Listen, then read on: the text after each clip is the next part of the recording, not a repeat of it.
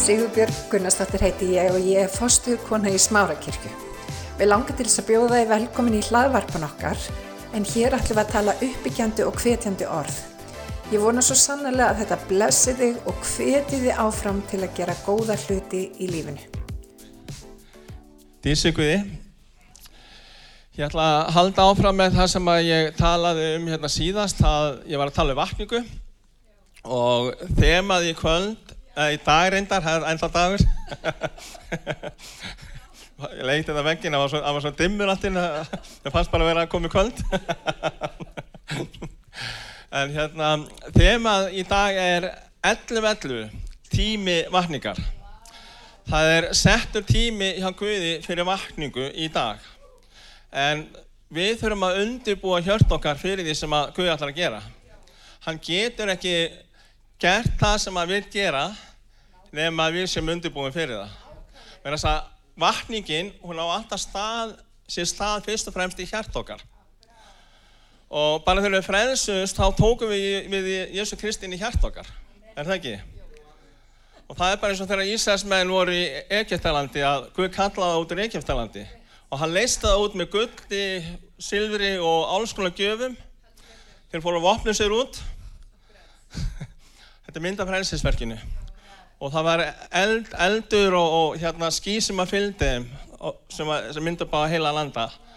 Og þeir fóru ekki að rauða við og tóku niðurdingarskýtnina þar. Og svo fóru í reyðumörku gönguna og inn í Kallasland. Halleluja. En í dag er kirkjan Guðs svolítið me meira eins og þegar Ísæsmjölu er herlitið til Babylon vegna óhlýni og Guð vil svona leysa okkur þaðan út í dag.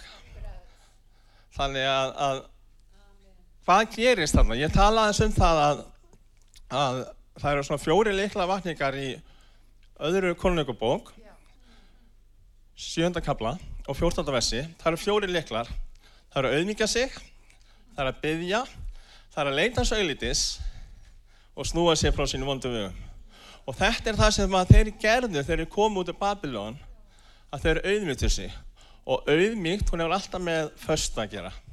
Þannig að Guð er að kalla fólk sitt inn í það að fasta og byggja.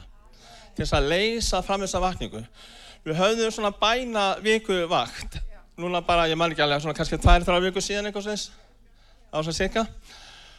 Og ég tók vakt frá 11 til 1 á hverjum degi og ég þurfti bara að pína mér þetta.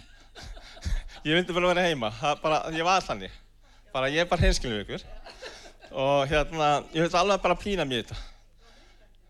Já, mér, já, ég tók stundum 11 líka, minnum með allan. 11 til 1.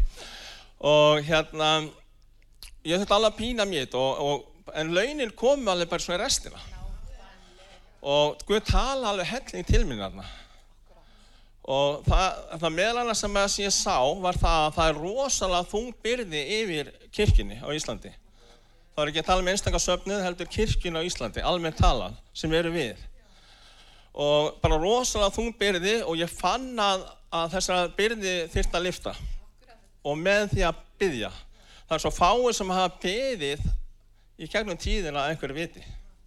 Það, það hefur kvilt að fáum. Að við följum öll undir þessa byrði að liftinu upp. Og, og þetta hefur mér svona svefn andan gera líka, þú veist, að bara vera í þægjandunum og vera bara hálfsofandi, þú veist, svona vissan hátt, andla að tala. Þannig að vakning þýðir það að, að Guð vil endur lífgangur. Vakning er það að hann vil endur lífgangur hann vil bara gefa okkur líf og ný. Bara alveg svo hann endur einst í hérna allt þegar Ísasmenn komu út úr Babylon. Babylon þýður rugglingur og það er svona ákveður rugglingur í gangi í dag í heiminum það er ekki veit hvernig hann á að vera almeinlega en Guð veit hvernig við erum að vera hann vil skapa og móta Krist innan með okkur og eins og hérna Pál Postuli bað hann bað að Kristur myndi mótast innan með okkur. Og þetta þurfum við að gera. Við þurfum að fara meir inn í bænina, við þurfum að auðmyggja okkur til þess að Kristur mótist meir inn í okkur. Og vilji Guðs föðus er að kunngjöra nafsitt. Hann talaði fyrir um í gennum spámennina, þess vegna er ég að vitna í þegar við komum út í Babylon. En núna talar hann til okkur í síni sín.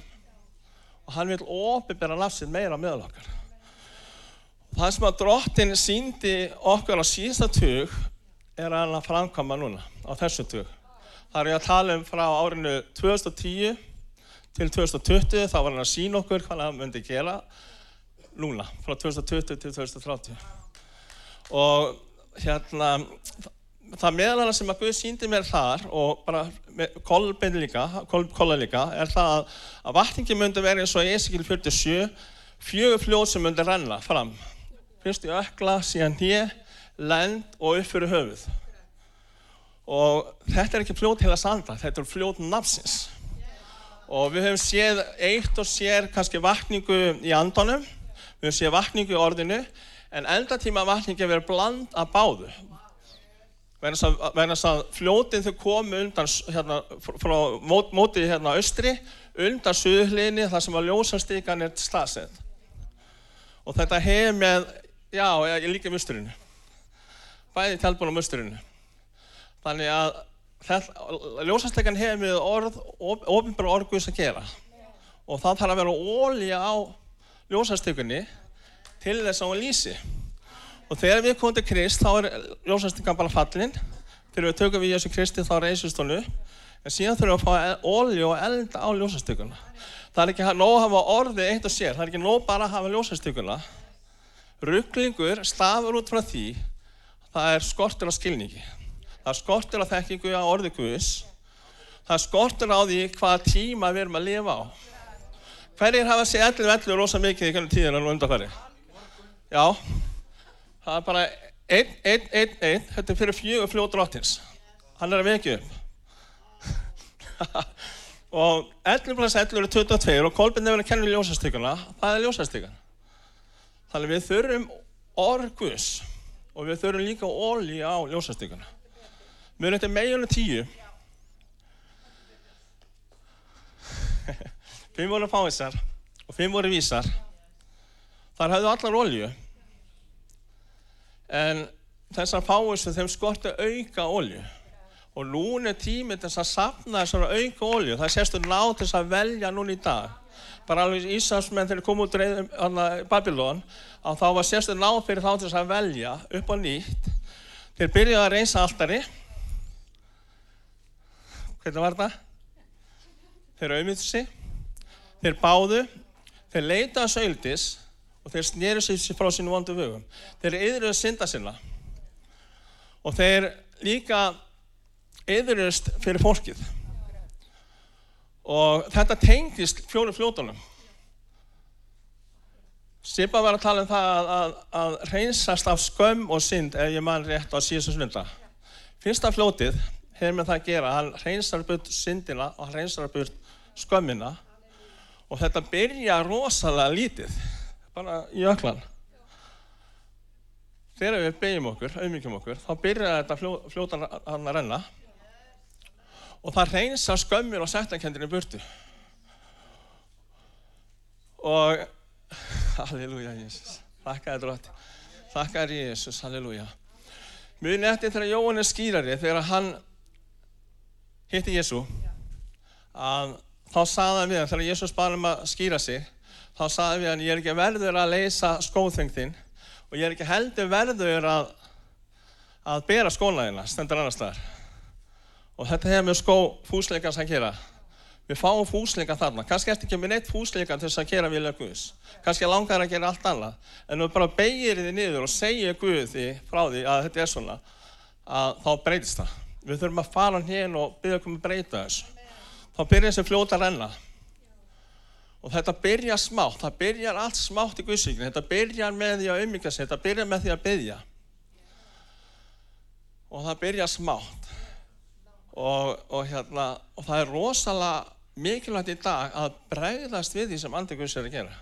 Þó þið finnist að vera óþægilegt. Og, og hérna, við viljum ofta að þetta bara gerist, bara, að, ah, bara Guð bara komið og bara gerir þetta svona, bara, bara Vitið það, hann er búin að því. Hann er búin að því, hann gerði það með frelsesverki sín á krossinum.